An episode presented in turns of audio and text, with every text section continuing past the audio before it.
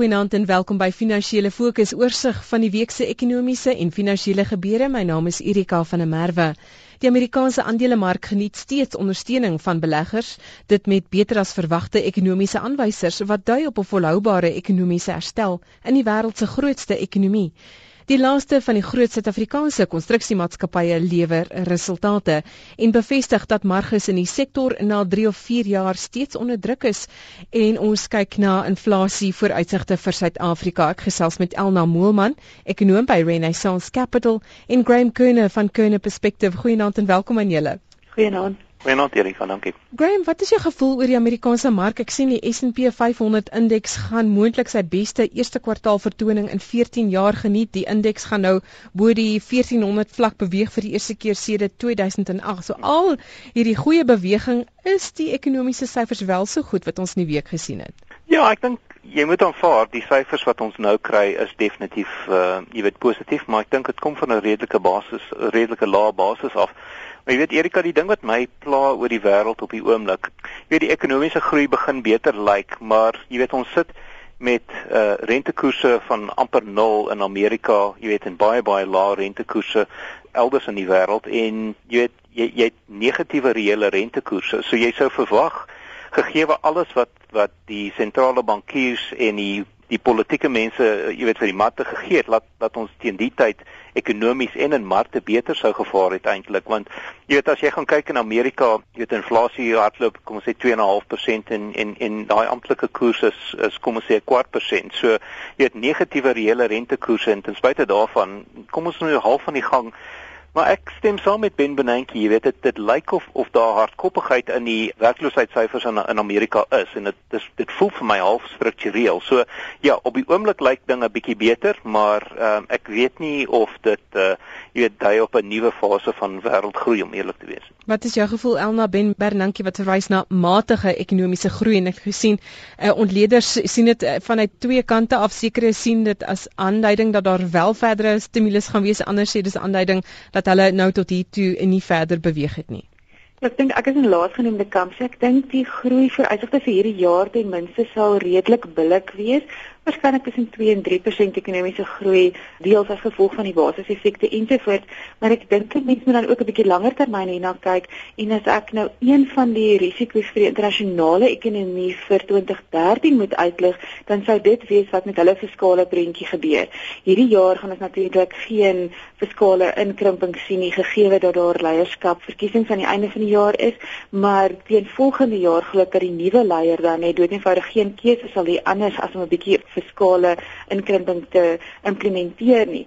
En dan moet mense vra wat die impak daarvan op ekonomiese groei gaan wees. So ons kyk na waarskynlike impak van die fiskale kant af wat amper 2% van ekonomiese groei gaan aftrek volgende jaar. So ons hoop dan nou maar dat die private sektor of die private sektor deel van die ekonomie sterk genoeg sal wees om die totale groei te kan dra ten spyte daarvan. So Graham sê Elna sê 'n behoefte aan fiskale inkrimping in Amerika. Mense sê nie so sê as jy kyk na die loopie in Amerikaanse staatseffekte nie. Ja, maar vir my is uh staatseffekte wêreldwyd eintlik 'n uh, misterie want ehm uh, jy weet as jy as jy na baie korttermyn effekte gaan kyk dan jy weet kry jy kom ons sê 'n persent en inflasie hardloop kom ons sê 2.5%. So jy weet jy kry voor enige belasting of enigiets jy kry jy 'n negatiewe opbrengs van 1.5%. So jy vra jouself af jy weet hoekom hoekom aanvaar mense hierdie goed? Ek stem saam dat daar definitief fiskale inkrimping moet wees want die ding wat my bekommer is as ek na Amerika kyk en kom ons sê hulle uh, ons rond dit af. Jy weet 'n uh, skuld tot tot BBP van 100%. Jy weet ons begin daai fase ingaan waar dit eintlik onvolhoubaar is en en ja, so die slotsom vir my is uh skuld is die groot risiko eintlik in in die wêreld en op 'n manier het ons huishoudelike skuld en koöperatiewe of banksektor skuld se se risiko's oorgeskuif na na regerings toe. Jy weet as as as 'n land byvoorbeeld hierdie jaar met met 'n 6 of 'n 8% tekort gaan vorendag kom, vra ek myself af wanneer gaan daai ding positief draai. So ek bekommer my geweldig oor oor die staatseffekkoerse en uh, en hoekom mense jy so hard soek na dit want uh, jy jy jy maak definitief vir jouself 'n negatiewe opbrengs. Elna, so wat Graham dan sê is staatseffekte is nie noodwendig 'n veilige hawe in hierdie onsekere situasie, wêreldsituasie nie. Ja, en ek dink weer eens gaan dit maar saam met die onsekerheid. So op hierdie stadium sit jy waarskynlik jou geld in staatseffekte omdat jy darm seker is van die opbrengs wat jy daar gaan kry teenoor die aandelemark doen van tyd tot tyd baie goed, maar ek dink daar's nog net te veel kommer oor presies waar die ekonomie, wêreldekonomie oor oor 'n jaar of dalk 2 jaar van nou af gaan sit. So miskien is dit hoekom in die kort termyn mense dan bereid is om om daardie baie lae opbrengskoerse te aanvaar, maar dat dit volhoubaar is ek twyfel.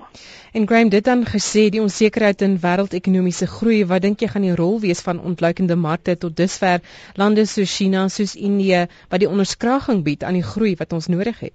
Absoluut reg, maar jy weet wat my 'n bietjie bekommer daaroor is China byvoorbeeld die laaste paar jaar het geweldig sterk gegroei. Jy weet, kom ons sê ons het weer af na 10% toe. Indië ook naby aan daai tipe uh, syfers maar jy begin al hoe meer en meer die die gevoel kry die Chinese ekonomie veral en die premier het eh, 'n uh, paar dae terug juis gesê uh, hulle verwag laer groei, jy weet hier by 7.5%. Jy weet ons sou wat gee om 7.5% ekonomiese groei te handhaaf, maar die slotsom is baie mense begin bekommer dat uh, dat die Chinese ekonomie 'n sogenaamde hard landing gaan ingaan. Nou dit klink 'n bietjie dramaties. Ek dink die wêreld het ontleikende ekonomieë nog geweldig nodig want as jy gaan kyk, ek dink Brittanje gaan vir die volgende paar jaar sukkel. Ek dink Japan gaan vir die volgende paar jaar sukkel. Europa gaan seker nou in 'n resessie in of groot gedeeltes van Europa. En ons nou gepraat van die Amerikaanse ekonomie, maar dit dit voel my jy weet oortuigend nie. So Jy is heeltemal reg. Die wêreld het die laaste 3 of 4 jaar absoluut gesteun op uh, ontleikende ekonomiese groei, maar dit begin voel of daai ekonomie self 'n uh, bietjie asem moet skep. So ek dis die ding wat my die meeste bekommer. Ek dink die ding wat Marte is 'n skok kan gee is nie noodwendig die uh, jy die goed wat almal van weet, die Europese skuldsituasie of enige van daai ontwikkelde mark uh, items dit ek dink die risiko vir, vir in die skok vir risiko vir wêreldmarkte kom nou van van China en Indië en daai plekke af. Elna jou reaksie daarop en as jy ook net kan verduidelik as mense praat van 'n harde landing in China wat dit nou beteken. Dit beteken waarskynlik groei van omtrent 5-6% of minder. 'n uh, Sogenaamde sagte landing sal waarskynlik beteken dat groei so hier by 7-8% rond is. En natuurlik het ons groei gesien die laaste paar jaar van so 10% en, en ons stem heeltemal saam. Die 10% was duidelik onvolhoubaar. En die regering is definitief besig om seker te maak dat dit nie meer teen 10% gaan groei nie, want anders gaan daar die ekonomie waarskynlik begin oorverhit met inflasieprobleme ensovoorts um, in die medium termyn. So ons verwagting is dat hulle waarskynlik hier teen omtrent 7.5-8% gaan groei. Ek dink daar is 'n paar risiko's in die Chinese ekonomie, maar op hierdie stadium is ons siening nog dat daar genoegsame beleidsinstrumente tot hulle beskikking is om te kan inding in die ekonomie sou hulle teken sien dat groei na 5-6% of die sogenaamde harde landing sou begin neig. Mense moet natuurlik onthou dat dit 'n baie effektiewe en 'n baie sterk staat is. So tipies is hulle gewoonlik suksesvol as hulle dan sou besluit om groei bietjie te ondersteun en seker te maak dat dit nie 5 of 6% is nie, maar so 7-8% waar dit graag wil hê. Graham net om terug te gaan na die Amerikaanse mark, die Fed het sy jaarlikse stresstoetse gedoen vir 19 van die groot finansiële hmm. instellings. Ek moet sê dit lyk redelik hmm, positief en JP Morgan het kort daarna sy dividende aangekondig wat positief was vir die mark. Ja, en ek dink die belangrike ding is daai uh toetse was regte regtig, jy weet in in stressituasies. So ja, ek dink die die banksektor daar is definitief in 'n in 'n beter spasie, maar weer eens, my gevoel is die die banke het hulle skuldprobleme oorgeskuif na die regering toe. So ehm um, jy sou dit eintlik verwag. So ek dink die banksektor wêreldwyd is eintlik baie beter geposisioneer nou as wat dit was kom ons sê 3 of 4 jaar terug. En ek is baie gelukkig daaroor want uh jy weet die groot risiko was sogenaamde contagion, jy weet waar die hele wêreld in 'n in 'n kredietkrisis ingedompel word. Maar hulle het nou hulle praat van circuit breakers en fire breaks. Jy weet die hele stelsel deur ingebou. So ek dink ons is nou baie beter geposisioneer as die wêreld byvoorbeeld weer in 'n resessie sou in invaar dat dit nie die hele finansiële sektor sou uh, blootstel aan aan groot risiko nie. Graham, as jy dan kyk na ons eie banke, ons het die vier grootes gesien en dan die afgelope week Investec wat sy syfers gelewer het, baie swakker natuurlik as die hmm. ander groot banke wat 'n meer kleinhandel blootstelling het. Ja, die die groot vier en ons moet onthou, jy weet eh, hulle resultate is nog onder wat hulle 'n paar jaar terug gelewer het. So jy weet 20-25% winsgroei is natuurlik baie positief, maar ons ons herbou die die verdienste basis. En uh, in die geval van Investec, jy weet die probleem daar lê in in in die besigheidsmodel. Hulle is blootgestel aan aan aan markte aan aan handel en en sulke goed. En uh, jy weet in die in die toekoms dink ek gaan beleggingsbankwese en jy weet waar hulle vir 'n eie rekening handel dryf is is definitief minder uh, aantreklik. So ek dink Investec is besig om homself te herbou met sterker annuïteitinkomste, jy weet soos byvoorbeeld deur batebestuur, maar hulle moet dit doen oor tyd. So dit lyk beter, ek praat nou van Investec, dit lyk vir my beter as wat dit oor die laaste paar jaar gelyk het, maar dit gaan dink ek nog 'n moeilike jaar of twee vir hulle wees.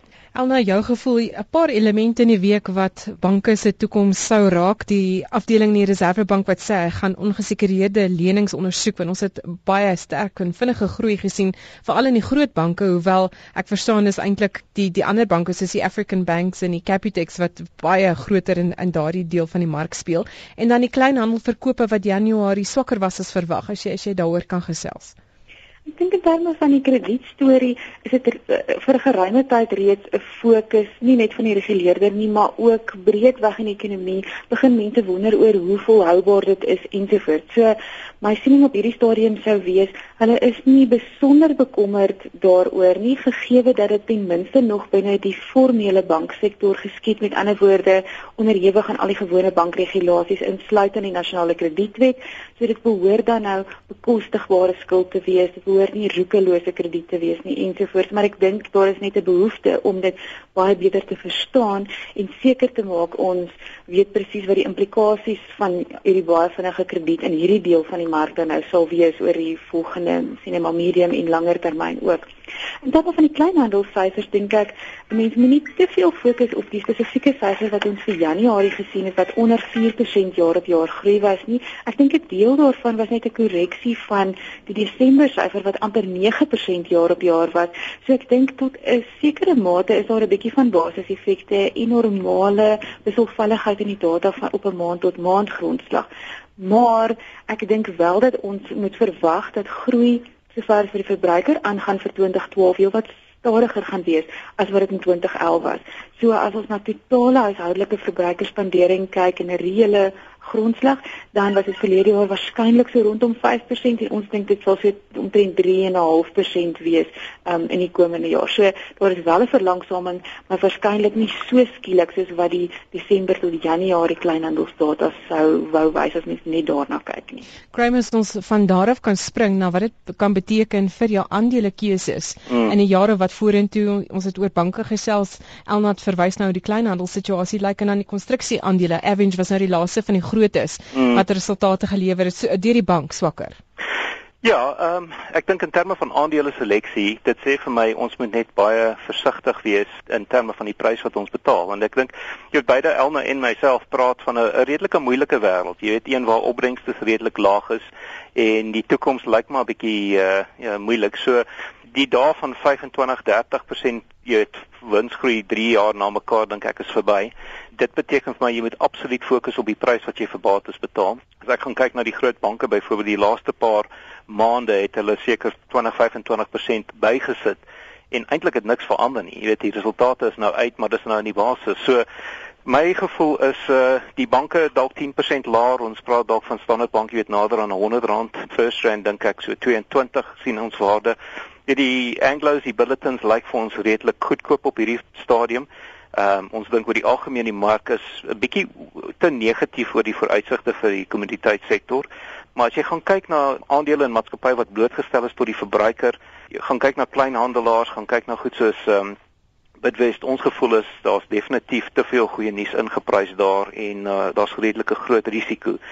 So, jy weet die slotsom is ons sê oorwegend jy wil ek dink ek op 'n 3 of 'n 5 jaar siening in aandele wees, maar jy moet jou tydsberekening regkry, jy moet waarde koop. Ons gevoel sou wees vir my staatseffekte oor die algemeen genoteerde eiendom moet jy baie selektief wees om kyk na opbrengste van 9% as jy dit kan kry of 'n bietjie beter as dit. Maar oor die korttermyn bly jy in kontant jy weet dis dink ek die slotsom. En ons sien geleenthede in die in die konstruksiesektor ons gevoel is Wolf and Bailey is nog steeds die beste van daai klompie, maar hulle het net geloop die laaste rukkie. So ek dink jy weet onder R120 kan ons weer daarna begin kyk. Elna, as ek met jou kan afsluit, ons sien in die week inflasie syfers en so ook die Reserwebank se kwartaalblad. So albei belangrik in in terme van die lopende rekening en inflasie en wat dit beteken vir monetêre beleid. Aan die inflasiekant verwag ons 'n 6.4% in vergelyking met die 6.3% wat ons in Januarie gehad het. En inflasie gaan waarskynlik min of meer op hierdie vlakke bly vir die eerste helfte van die jaar. Ons verwag wel dat dit voor die einde van die jaar onder 6% sal wees en dat dit in volgende jaar so 5% sal wees, maar dit is natuurlik onderhewig aan 'n relatiewe sterk rand wat ons verwag so teen 7.56 sal verhandel vir die gemiddeld vir die jaar. En dit bring my dan nou by die lopende rekening storie wat ek dink die enkele grootste risiko is in terme van die rand se verwagtinge vir die volgende jaar of twee. So die vierde kwartaal van verlede jaar se syfer wat ons nou hierdie week sal kry, verwag ons gaan verswak tot 4.8% van BBP. En dink ek begin weer groot genoeg raak vir beleggers om bekommerd te raak daaroor en tipies is dit die vlakke waar dit dan 'n impak op die rand begin hê. So, ehm um, as dit nie vir hierdie lopende rekeninge probleme was nie, dink ek die wêreldomgewing is redelik gunstig vir wisselkoerse soos byvoorbeeld die rand, ehm um, gegee die groter probleme wat daar in die res van die wêreld is. Maar ongelukkig met hierdie lopende rekening probleem is mense nou bietjie onseker oor waar die rand op die ou ende sal wees en ek dink dit bly die enkele grootste risiko vir die rand en ook vir die ekonomie want dit het natuurlik implikasies as jy so baie geld die land uitstuur deur jou lopende rekening te kort. Elna baie dankie Elna Moelman, ekonom by Renaissance Capital. Graham, dankie ook aan jou. Graham Kerner is van Kerner Perspective. My naam is Erika van der Merwe. Dankie vir die saamkuier. Ons maak volgende Sondag aan 20 voor 9 weer so geseënde week vorentoe. Totsiens.